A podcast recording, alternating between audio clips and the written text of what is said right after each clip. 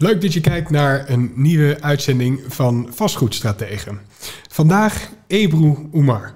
Leuk dat je er bent. Dankjewel voor de uitnodiging. Hartstikke leuk om hier te zijn. Je bent journalist, hoofdredacteur, hoofdredactrice van Overwaarde. Klopt helemaal. Maar je bent ook belegger. Ja, ik ben net uit de kast als belegger, geloof ik. Ja, dat ja, dat ja. moet dan wel. Ja. Is dat wel handig in deze tijd? Ehm, nou ja, ik doe dit al mijn hele leven. En dan moet je natuurlijk vragen van wat is dit dan? Maar ik, zie me, ik heb mezelf nooit als belegger gezien. Sommige mensen sparen. Ik heb nooit kunnen sparen. Ehm, en ik heb altijd, eh, als we het over beleggen hebben, hebben we het natuurlijk over vastgoed. Eh, ik heb altijd eh, twee huizen gehad en toen nog een huis en toen nog een huis. En opeens had ik er een paar. En ja, het is een beetje per ongeluk gegaan bij mij. Nou, dat, dat gaat heel snel. Daar wil, ik, daar, daar wil ik het even met je over hebben. Ehm, maar eerst, schreef je al over vastgoed voordat je aan het beleggen was? Of was je eerst aan het beleggen en toen ging je schrijven over vastgoed? Het is eh, andersom gegaan. Ik had eerst vastgoed en toen schreef ik nog niet eens. Toen had ik nog een baan in het bedrijfsleven. En toen ben ik gaan schrijven. In 2003 ben ik gaan schrijven. En in 2004 kwam mijn eerste boek uit. En in 2005 eh, ging ik schrijven voor Metro en voor Libelle. Dus eigenlijk schrijf ik vanaf dat moment. Maar De ik, column heb je, de column heb je overgenomen, toch? Ja. In eh, de metro, ja. Ja. van Ja. Theo van Gogh, die Ja. vermoord werd. Ja, dat klopt. En ehm, ik had mijn eerste huis gekocht in 97. Dat bleek een huis te zijn met twee voordeuren. In die tijd kon je nog een heel pand kopen als eh, eerste huis in Amsterdam. En tegen de tijd... Waar, waar in Amsterdam? Ehm, in, dat was, noemden ze vroeger de Griebesbuurt. En toen ik eh, vertrok, zeiden mijn vrienden zelfs nog van... eh, fijn dat je weg bent uit de achterbuurt. Maar ik woonde aan de Admiraal de Ruitenweg in Amsterdam. En ik woonde daar altijd heel fijn. Ja. Want anders was ik al lang weg geweest. ja. Ja. En oké, dus je, ko- je koopt je eerste huis. Ja, dat bleek... voordeuren? dat was een heel pand. Ik, een beetje een raar verhaal. Ik dacht dat ik een huis van mijn tante kocht, een benedenwoning. En toen bleek dat daar een etage boven zat. En toen bleek dat daar nog een etage boven zat. En toen bleek uiteindelijk, toen ik ging kijken, dat het echt een heel pand met twee voordeuren was. Een driedubbel benedenhuis en een dubbel bovenhuis. Dus dat ging ik kopen. Van je tante. Ja. Alright. Je, het is wel fijn als je denkt dat je een appartement koopt en het blijkt ineens een herenhuis te zijn. Ja, zo ging het inderdaad. Maar het was het pand waar vroeger als kind, als ik daar kwam, zei ik later als ik groot ben, ga ik hier wonen. Dus toen zij besloot om te gaan verkopen, toen belde ze mijn moeder. Eh, Weet je, dat zeg je als kind, maar zij had dat gewoon onthouden. En ze zei van, ja, Ebro zei dat vroeger altijd, dat ze later als ze groot was hier wilde wonen. Denk je dat ze het zou willen kopen? Nou, zei mijn moeder, dat weet ik wel zeker. Dus toen eh, zei ik, nou, koop het. En toen zei mijn vader, ja, maar je moet wel gaan kijken. Ik zeg, waarom? Ja, er zit een etage boven. Ik zeg, nou, is geen reden om te gaan kijken. en toen zeiden ze van, ja, er zitten twee etages boven. Ik zeg, nou, Dan hoef ik helemaal niet te steeds kijken. dan minder reden om te gaan kijken, weet je. Waarom zou ik gaan kijken? Nou, toen moest ik gaan kijken en toen ben ik heel braaf gaan kijken. En ehm, eh, de man van mijn tante, die eh, wilde er een bepaald bedrag voor hadden, hebben. Ik wilde er iets minder voor hebben, want dat was de hypotheek die ik kon krijgen. En zei hij, oké, dat is goed. En toen heb ik dat huis gekocht. Wat top. Ja. En je bent daar direct gaan wonen. Nee, nee, nee. Ik heb het in 97 gekocht. Het is een jaar lang verbouwd. En ik ben mijn hele leven nooit bang geweest voor verbouwingen. En Dan ben je een van de weinigen. ja, maar ik heb ook altijd met Lego gespeeld, niet met Playmobil. Dus misschien dat dat ook iets zegt. En Want eh, Playmobil is eh grote is snap. af. Ja, ja, ja. dat heb ik nooit begrepen. Het is gewoon kant en klaar. Maar Lego kun je bouwen en kun je creatief mee zijn. En wat ze bij Playmobil toen wel hadden en niet bij Lego, was dat ze. Ben toch gewoon een meisje. Ze hadden daar bestek en kopjes en een serviesje en zo. Dus dat, dat vond ik dan wel leuk aan Playmobil. Dat haalde ik dan weg bij de Playmobil eh Gebruikte je voor het Lego. En- ja, en dat gebruikte ik dan voor het Lego. Ja. Ja. Nou, veel mensen zijn bang voor Oh, eh, verbouwingen. Nee, Omdat nee.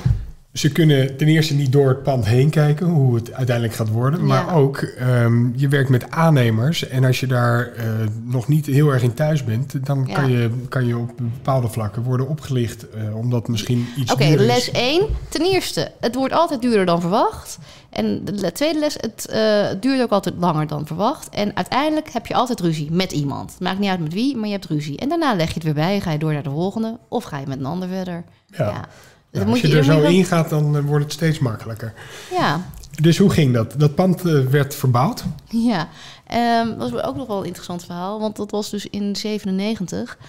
En we hadden een aannemer in Rotterdam. En die arme man is ongeveer een jaar lang elke dag op en neer gereden naar eh, Rotterdam. Naar Amsterdam. Amsterdam. van Rotterdam naar Amsterdam gereden. En heeft dat huis verbouwd. Maar goed, het is een pand waar je dus eigenlijk niet bent gaan wonen. Jawel, jawel, zeker wel. Want eh, het had twee voordeuren, dus ik ben boven gaan wonen. En beneden ging mijn zus wonen met eh, vier klasgenoten uit Rotterdam. Want die gingen studeren in Amsterdam. En daarna gingen zij weg na een jaar of zes, zeven. En toen ben ik door gaan verbouwen. Toen, heb ik beneden, toen was beneden helemaal uitgewoond. Toen heb ik dat helemaal opgeknapt. Uiteindelijk eh, ben ik naar Rotterdam verhuisd na mijn hele toestand in Turkije. En toen had ik opeens een heel groot huis met twee voordeuren in Amsterdam, wat gewoon niet verhuurbaar was omdat het veel te groot was. En toen ben ik weer gaan verbouwen. Heb ik eerst appartementen gebouwd in het benedenhuis en daarna appartementen in het bovenhuis. En eh, toen had ik een huis gekocht in Rotterdam, wat natuurlijk verbouwd moest worden. En daarvoor hoefde je, daarvoor hoefde je zeg maar niet het huis in Amsterdam te verkopen om... Nee, nee, nee, nee, nee. nee. Dat, dat, dat was een beetje een grap. Want ik had eigenlijk in die hele Turkije-toestand had ik al een appartement in Rotterdam gekocht. En dat had ik op de overwaarde van mijn grote pand in Amsterdam gekocht. Er zat een minimale hypotheek op. En als je een pand 20 jaar aanhoudt, want nou ja, uiteindelijk is het afgerond 20 jaar, dan stijgt dat gewoon in waarde. Dus eh, ik had op de overwaarde had ik een, eh, een appartementje in Rotterdam gekocht. En toen zocht ik een groter huis om in te gaan wonen. En dat kon ik ook nog kopen.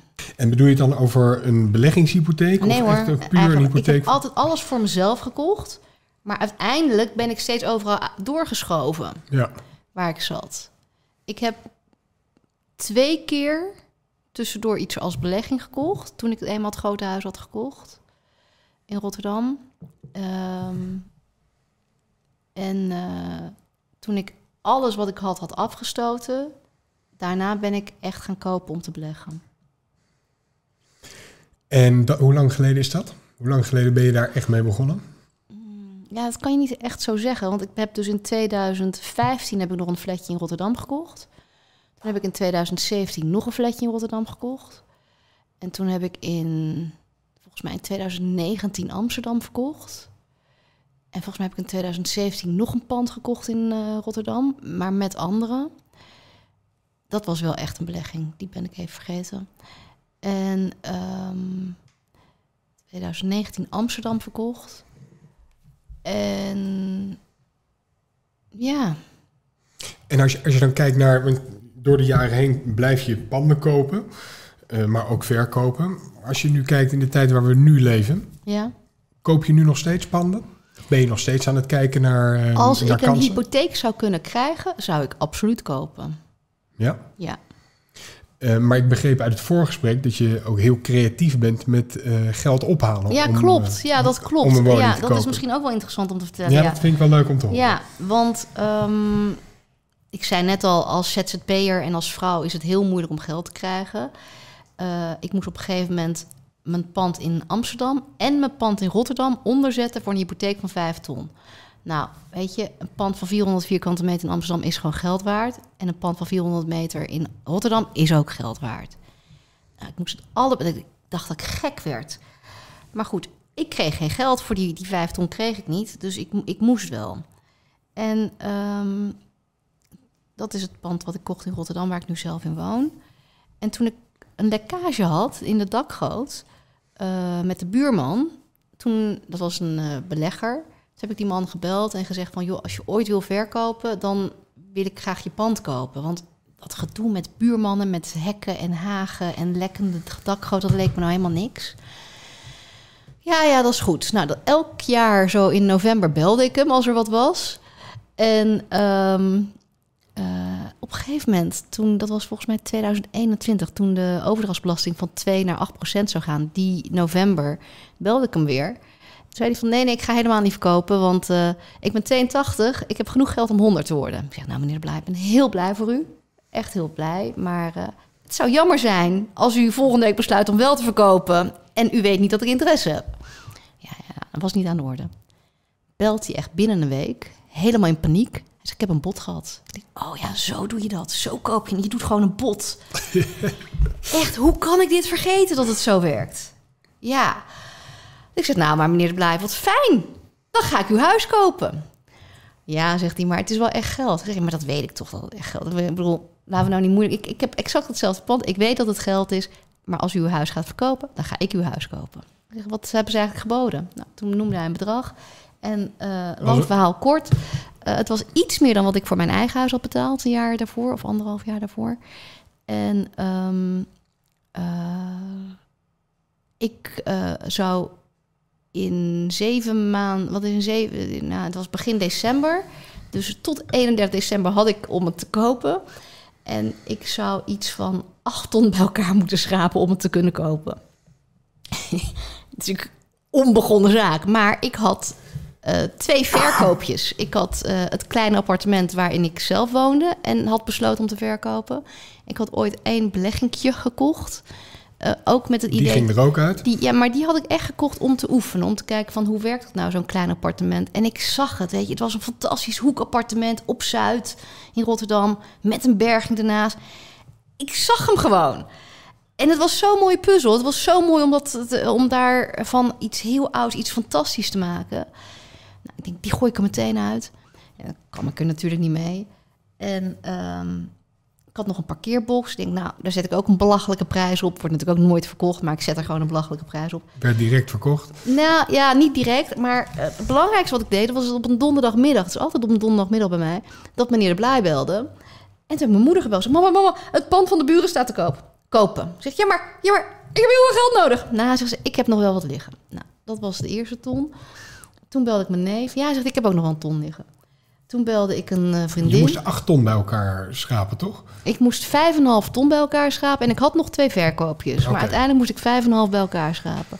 Ik had met drie telefoontjes 3,5 ton in 10 minuten tijd. Bij vrienden. Dus heb ik meneer de Blij gebeld. Ik zeg, nou, dit gaat gewoon lukken.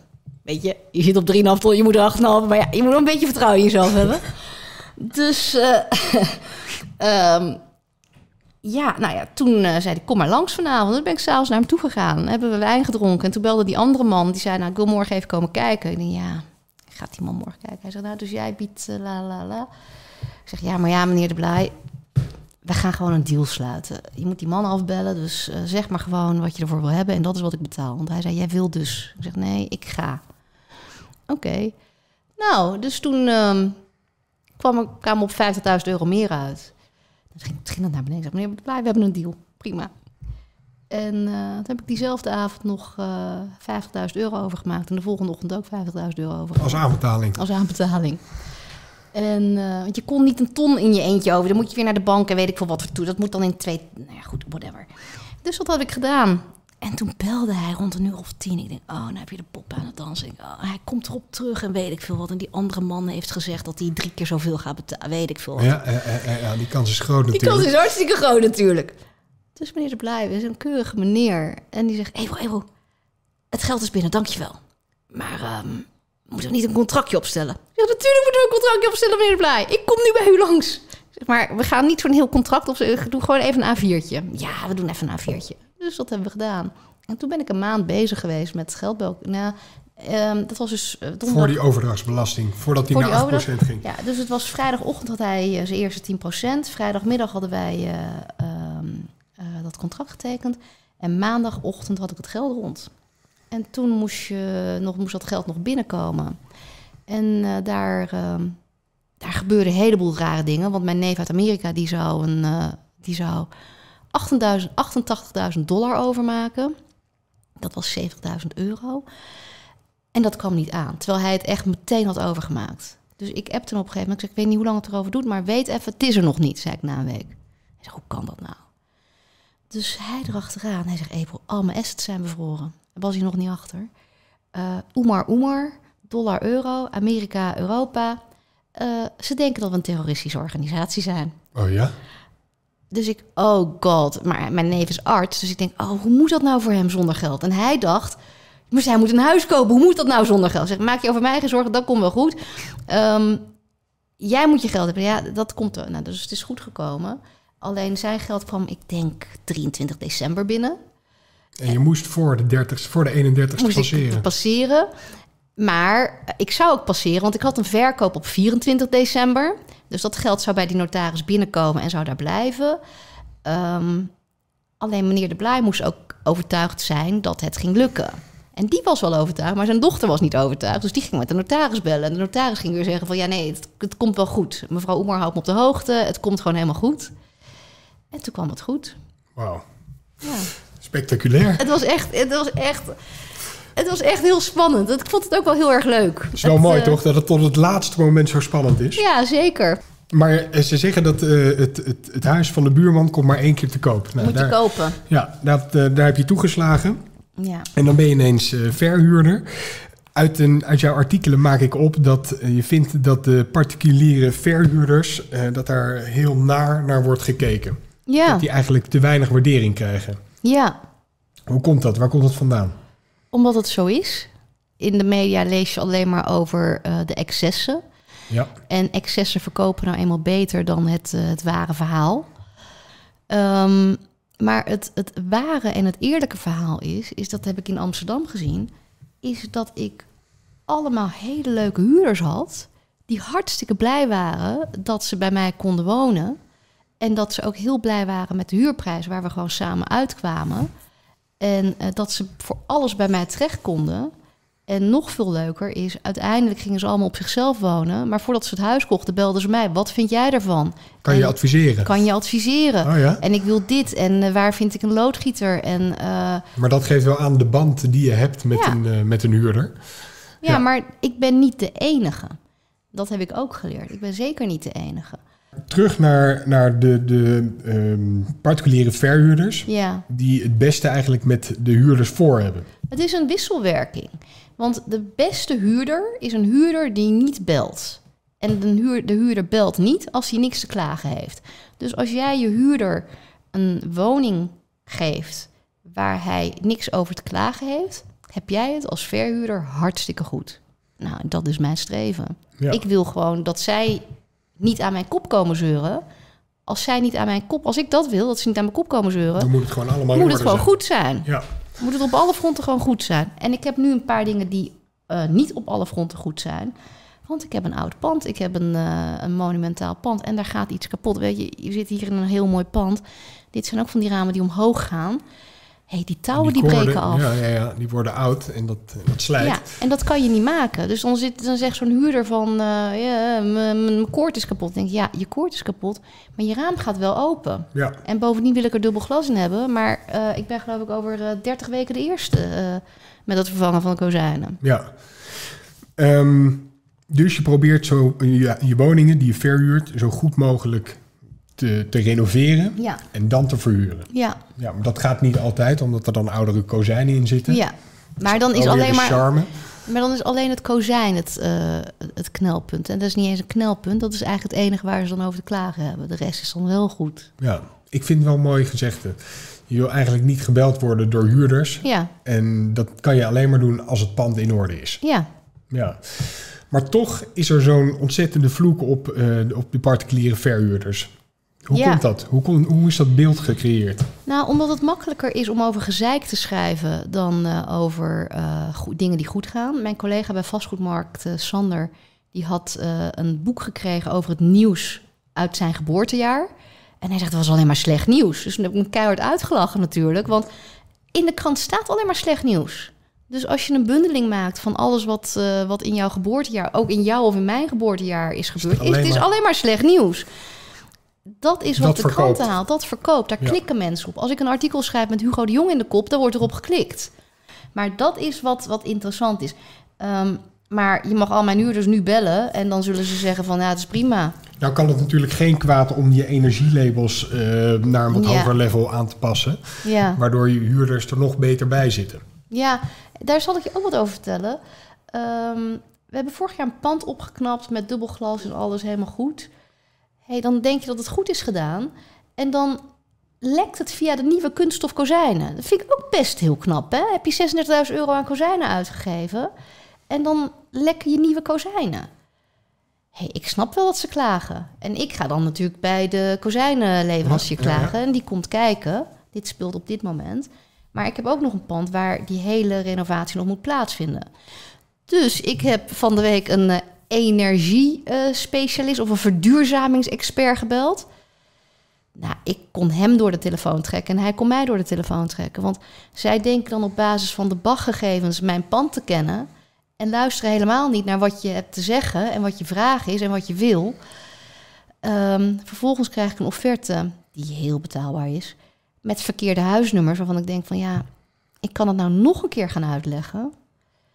Uh, of ik scheep er gewoon door van die doen we niet en die doen we wel. Maar is het niet het handig om zo iemand uit te nodigen op locatie? Hey, wat denk je dat ik een half uur lang gezegd heb? Kom langs.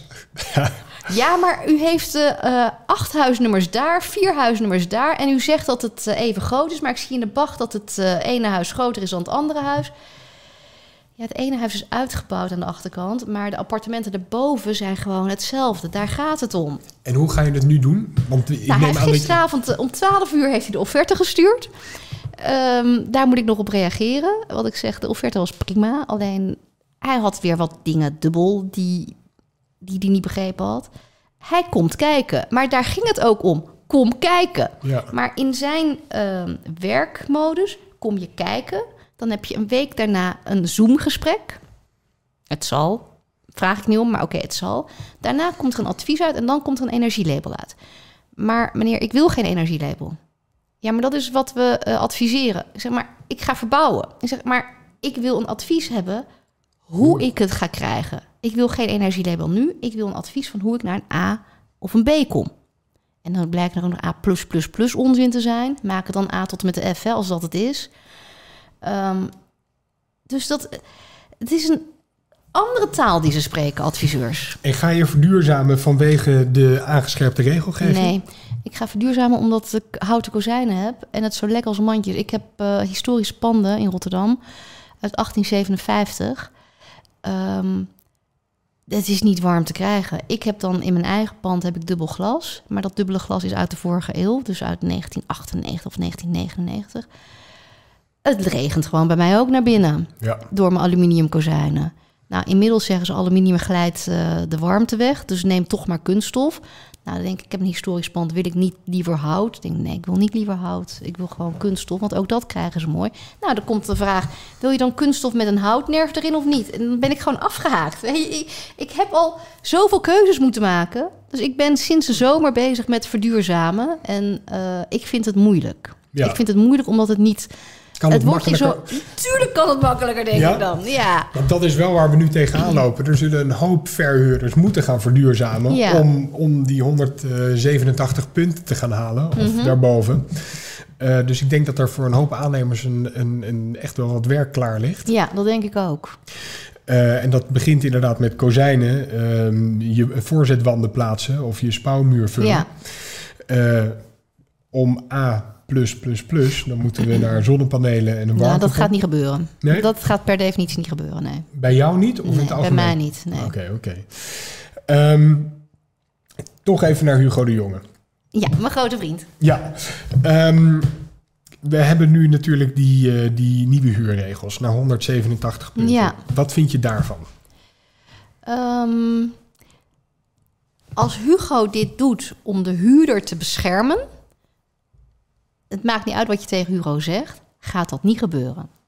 Dus Hugo doet dit niet om de huurder te beschermen, want alle kranten, alle beleggers, alle adviesrapporten, alle adviseurs van ook overheid, van vastgoedbelang, van iedereen, elke specialist zegt: dit is het slechtste wat je kunt doen, want er blijven geen huurwoningen meer over. Mensen gaan uitponden. Mensen gaan uitponden, mensen gaan verkopen. Er was vorige week een, uh, uh, een uh, verhuurmakelaar die een fotootje doorstuurde van een appartement wat te, te huur stond op Rotterdam Zuid. Waar al die mensen naartoe kwamen. Op die foto stond een rij mensen. Ik denk dat je op de foto 30 man zag, maar omdat het maar een fotootje is. Die straat is lang. Ze zei, het ging drie straten door. Ze had 300 reacties. Wauw. Hoe bescherm je hierdoor de huurder? Ik denk persoonlijk dat als je de huurder wil beschermen, dat je de belegger moet helpen. Help de belegger in zijn verduurzaming. Help de belegger in zijn, uh, in zijn punten. helpen. Dan betaalt de huurder dus, want ook als je gaat helpen met Ja. verduurzamen, eh, als daar bijvoorbeeld een subsidie voor zou zijn, of, Mm. eh, dan gaat uiteindelijk de huurder daar profijt van hebben, want die gaat Ja. minder, minder stookkosten betalen. Ja, en helpen is niet alleen subsidie geven, maar helpen is ook bijvoorbeeld regels makkelijker maken. Maak het makkelijker dat eh, bijvoorbeeld in mijn geval in Rotterdam eh, mensen mogen samenwonen. Eh, ik heb een locatie van 160 vierkante meter. Ik heb anderhalf jaar geleden op het laatste moment daar een vergunning voor gehaald. eh, omdat ik er toevallig van hoorde. Van dat, dat, eigenlijk, dat was een bestaande situatie. Ik had dat zo gekocht van meneer De Blij. 160 vierkante meter. Officieel mag je daar met z'n tweeën wonen. Dat slaat toch nergens op? Ja. En die jongens wonen er met z'n 1, 2, ik geloof met z'n drieën. Maar ze zouden zelfs wel met z'n vieren kunnen wonen. Dus je hebt een omzettingsvergunning daarvoor aangevraagd. Ik heb een echte vergunning aangevraagd Oké. en gekregen. Maar nu kan het niet meer, want nu is de regel in Rotterdam... als er binnen een straal van 50 meter van een vergunning... alle vergunning is afgegeven, Dan- dan krijg je hem niet. Dus ik heb een heel pand. Ik ben zelf de vergunning. Dus ja, Ja, het is een beetje krom, vooral als je zo'n grote woning hebt eh, en daar is zo'n woningnood. Om Maak die dat woning dan... makkelijk. Precies. Want er is niemand die een eh, huiseigenaar met 10 kinderen verbiedt... op 50 vierkante meter te wonen. Ja, Dat zou ook verboden moeten worden. ja, maar dat heeft denk ik ook weer te maken met de excessen die er zijn geweest. Dat er in woningen, en ik, ik weet een paar voorbeelden in Den Haag, Ja. dat ze een controle deden. eh, waarbij er dan 14 tot eh, 18 matrassen werden gevonden. eh, van, van mensen uit het buitenland die hier in één huis eh, woonden met elkaar. Laat ik vooropstellen dat ik dat verafschuw. Dat is niet mijn niche. Dat zijn niet mijn soort mensen.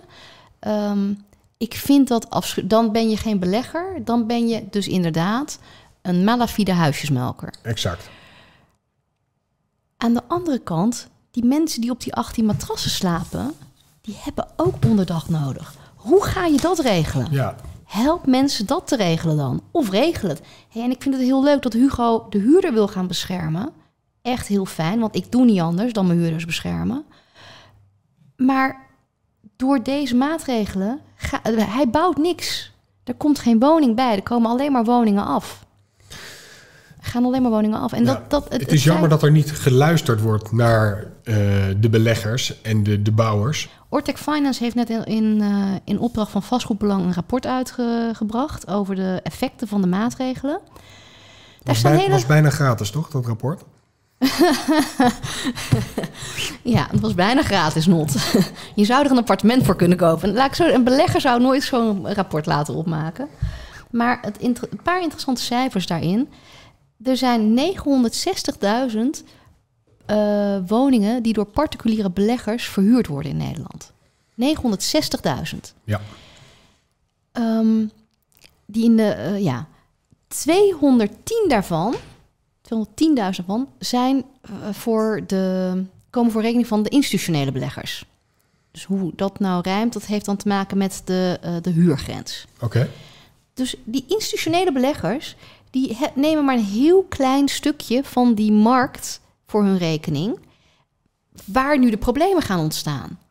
Ehm, als je dan ook nog eens een keer bedenkt dat een gemiddeld huishouden in Nederland 2,13 is, nou, weet je, dat is 1,7 miljoen Nederlanders die onderdak vinden bij particulieren. En als je dat stukje van de institutionele erbij neemt, is het meer dan 2,5 miljoen.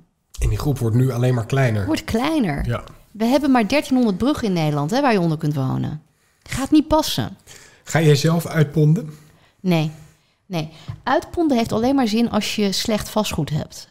Ehm, ik, heb, eh, ik heb hele panden. Ik heb geen appartementjes. Ik ben alleen maar afhankelijk van mezelf. Ik ben niet afhankelijk van een VVE. Ik heb grote vloeroppervlaktes. Ehm, en ik heb een plan. Ik heb een plan in mijn hoofd waar ik heen wil over 10, 20 jaar. Dus ik ga niet uitponden, nee. En wat is je plan? Oh, nou, dat is wel leuk om te delen. Ik heb Ja. er 20 miljoen voor nodig. Dus misschien luistert er iemand die. eh, die eh, ik heb nog niet gebeld, dus ik weet niet hoe moeilijk het is om 20 miljoen bij elkaar te krijgen. Maar eh, als er mensen zijn die eh, mee willen doen, eh, je weet me te vinden. In Rotterdam worden heel veel torenflats gebouwd. Skyscrapers. Zijn prachtig, maar uiteindelijk woon je daar heel erg anoniem.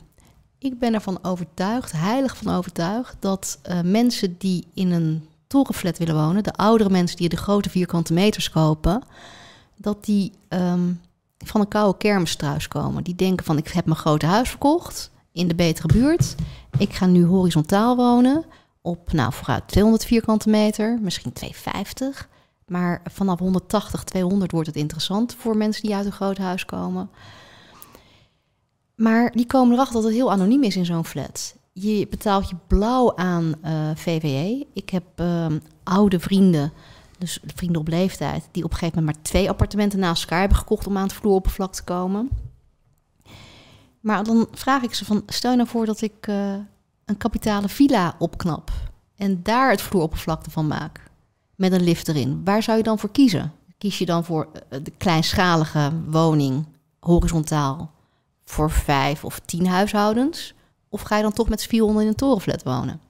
Ja, zegt ze, uh, no way dat ik dan voor een torenflat kies. Want je kiest dan toch voor de saamhorigheid, voor de gezelligheid van die kleine community die je uh, in mooie historische panden kunt hebben. Ja, want dus, je, mist, je mist de, het sociale aspect. Het sociale contact. Binnen, ja, binnen zo'n torenflat. Ja, dat mis je heel erg. Je komt elkaar te weinig tegen. Ja. Ja. Ondanks dat het een torenflat is met 400 uh, Ja, woningen. want op een etage zit je met een paar mensen... en in die torenflat zitten natuurlijk heel veel huurders. En Ja. dat zijn duurder, het is een duurdere segment. Dus die mensen komen en gaan, veel expats, erg op zichzelf. Je komt elkaar in de lift tegen, maar dat is het. Maar mijn droom is om panden naast elkaar te hebben... of kapitale villa's te kopen... en daar horizontale eh, woningen van te maken. Met een lift erin en een gemeenschappelijk dakterras... naast een eigen balkon of een eigen tuin of wat dan ook. Eigenlijk een soort van eh, zorgwoningen. Nou, dat is interessant dat je dat zegt. Want je vraagt je altijd, wat moet je met de plint? Mensen denken, oh, ik wil in een tuin wonen. Maar uh, ik vind een woning met... De begane grondwoningen zijn altijd donker. Dus je zou ook iets kunnen bedenken... dat je inderdaad op die begane grond... een deel daarvan uh, iets met zorg doet. Ja. Dat je er of een restaurant in zet... of dat je er uh, verpleging of iets erbij doet. Dat je daar op die manier nog een serviceaspect aan zou verbinden. Dat is mijn droom. Dat is echt wel wat ik zou willen. Je hebt een heel mooi plan, absoluut. Ja. En ik denk dat daar een hoop mensen geïnteresseerd zijn om eens met je mee te denken hierin. Nou, ze zijn hartstikke welkom om me te bellen, mailen, DM'en, twitteren, whatever. Ja. Alright, alright. LinkedIn. En geldt dit dan alleen voor Rotterdam? Of, um... Nou, uh, nee. Maar wat ik heb geleerd is wel dat ontwikkeling... Want ja, ik heb eigenlijk altijd ontwikkeld. Uh, en heel veel mensen zoals ik ontwikkelen. Dat, dat is dan geen nieuwbouw, maar je maakt oudbouw bewoonbaar. Het is makkelijker om het te doen waar je ook makkelijk bent. Waar je snel bent en waar je er toezicht op kan houden. Want dat vind ik zelf ook heel leuk. Ik loop gewoon door mijn verbouwing heen. Ik zeg, nee, dat moet anders, dat moet anders. Ja, ja die oranje muur, hij is prachtig, maar hij moet toch echt rood, weet je? Ja, sorry. Verkeerde muur. Um, je bent wel een aanpakker in die zin, hè? Ja, maar dat Ja. wordt ook wel gewaardeerd. Ja, dat denk ik ook. En wat dan ook is, is dat mensen hun best gaan doen voor je. En ze Ja. weten dat als, je het, als ze het één keer goed hebben gedaan, dat ze de volgende keer ook weer werk krijgen. Ja. Dus zo heb ik allemaal van die aannemers. Want de ene krijgt echt die klus en de andere krijgt echt die klus. Want de ene is daar goed in, de andere is daar goed in. Ja. En ik kan ze op zondag bellen. Kijk, dat Ja. kunnen er niet veel hoor. Ehm, ik heb een hoop leuke artikelen gelezen op overwaarde. Eh, althans, het is overwaar.de. .de. Ja, klopt helemaal. De website voor particuliere beleggers. Ja, waar ik ja, de ja. hoofdredacteur van mag zijn. Ja. Het is een eh, initiatief van Vastgoedmarkt, van VMN Media. En dat wilden ze al heel lang. Ze wilden het al eigenlijk als een soort van tegengeluid tegen al die boys... die jou wel even gingen leren hoe jij rijk ging worden. Want dat, da- daar gaat het niet om. Eh, vastgoed is een, het is een belegging, maar het gaat ook om mensen. Ehm, en hoe doe je dat dan? Dus ik had op een gegeven moment contact opgenomen met uh, Servaas, de hoofdredacteur van Vastgoedmarkt. En gezegd van, nou, hartstikke leuk. En toen vertelde hij erover. Ik zei, nou, kom je wel helpen? Nou, inmiddels ben ik al een tijdje bezig met helpen. En uh, nou ja, we schrijven dus voor de particuliere belegger. En we begonnen met van, hoe doe je dat nou, een portefeuille opbouwen? En nu, um, deze markt is interessant, want nu heb je echt wat te doen. Nu is het, waar gaat het heen? Wat Exact. doe je? Wat doen de anderen? Wat zijn de voorbeelden? Hoe is de wet en regelgeving? Wat vinden de experts? Er komen inderdaad ook een aantal experts eh, uit het vak. eh, Ja. Makelaars, vastgoedondernemers eh, komen aan het woord. Ja, En dat zijn leuke stukjes om te lezen. dank je. Het leuke, het allerleukste is wel dat toen we begonnen wilde niemand praten. Want het was, oh ja, nee, op feestjes zeg je niet dat je in het vastgoed zit. Maar inmiddels, Inmiddels willen mensen heel graag praten. Want ze zijn erachter dat als je je niet verweert tegen het eh, imago wat in de media over de vastgoedbelegger tentoon wordt gespreid, dan zul je moeten praten. En zul je moeten laten zien hoe het dan wel in het echt gaat. En eh, ik krijg ook, eh, dat is heel grappig, ehm één jongen, Raymond Pos, die zei, ik krijg helemaal heel, die, die heeft een grote portefeuille met zijn broers in Amsterdam. Ik zeg, ik krijg allemaal appjes van mensen vinden me een expert. Dat ik denk, want gast, je zit al 40 jaar in het vastgoed. Natuurlijk ben je een expert. Je bent de expert. Jij bent degene naar wie er geluisterd zou moeten worden. ja, ja. En eh, je ziet dus dat eh, die, eh, die doelgroep dat ook doet. Ze willen graag van elkaar leren, van elkaar horen en met elkaar kennis uitwisselen. Maar ja, ook heel naar dat je dan een artikel schrijft over 300 huurders die eh, op één woning afkomen. exact. Je wil graag van de lezers weten ook of je stukjes te lang, te kort of juist goed zijn. Hè? Ja, ik vind die interactie heel erg leuk. Als columnist is dat natuurlijk waar je op leeft, van Ja. de reacties van de anderen. En eh, het is erg leuk om te, te zien dat ik altijd wel reacties krijg met suggesties voor nieuwe onderwerpen. En eh, ik heb één keer een klacht gehad. Nou ja, oké, jammer. Echt heel jammer. Dat was er maar eentje. En Daar kan je van leren, toch? daar kan je van leren, ja. Ja. Die meneer heb ik ook teruggemaild. En toen was hij helemaal verbaasd dat ik terugmailde. Maar ja, ook dat hoort erbij. Waar gaat het naartoe uiteindelijk, denk jij, met eh, de regelgeving en ehm, vastgoed in Nederland? Nou, er zijn twee dingen natuurlijk. Hè. Je hebt de fiscale regelgeving en je hebt de, de huurwet. Ehm, ik denk dat de fiscaliteit eh, niet eh, zal blijven bestaan. Want eh, de regels zijn... Ten eerste zijn ze... weet je, belasting betalen over niet behaald rendement. Dat is al afgeschoten. Dus de reden waarom het toch wordt doorgevoerd is... Ja, beeldvorming. Ja. Beeldvorming is belangrijk. En de overheid procedeert graag tegen zichzelf. Denk jij, maar voor wie zit je er? Wie help je ermee? Je helpt de huurder niet. En je helpt de particuliere belegger die de huurder wel helpt er ook niet mee. ja. Wat allerergste vind ik dat ik eh, bij heel veel beleggers zie die gaan verkopen, dat ze hun geld naar het buitenland brengen. Nou, Dat wil je natuurlijk ook niet. Je wil juist Nou, het geld hier in Nederland Blijkbaar houden. willen ze dat dus wel. Ja. Maar ik snap niet dat dat niet doordringt. Ik vind het echt heel ernstig dat Nederlands geld naar het buitenland gaat. Ja, we hebben het er maar mee te doen. Ja, en de ondernemer die vindt zijn weg wel. Alleen de huurder. Als je de huurder wil beschermen, Dan moet je het anders aanpakken. dan moet je het anders aanpakken. En nogmaals, de, eh, een particuliere belegger wordt ontzettend blij als een huurder niet belt. En de enige reden om daarvoor te zorgen is dat je goed vastgoed verhuurt. En misschien nog één tip. De overheid heeft een belachelijk goede eh, site, waarvan ik nu de URL niet weet. Maar als je op verduurzaming zoekt, dan komt als eerste de eh, verbeterjehuis.nl heet die. En die is mijn partij duidelijk voor Oh de ja? overheid niet normaal. Oké, Ja, dus dat kan ik nog even meegeven. daar ga ik naar kijken. Alright. Daar gaan we mee afsluiten. Dankjewel. Dankjewel. Top.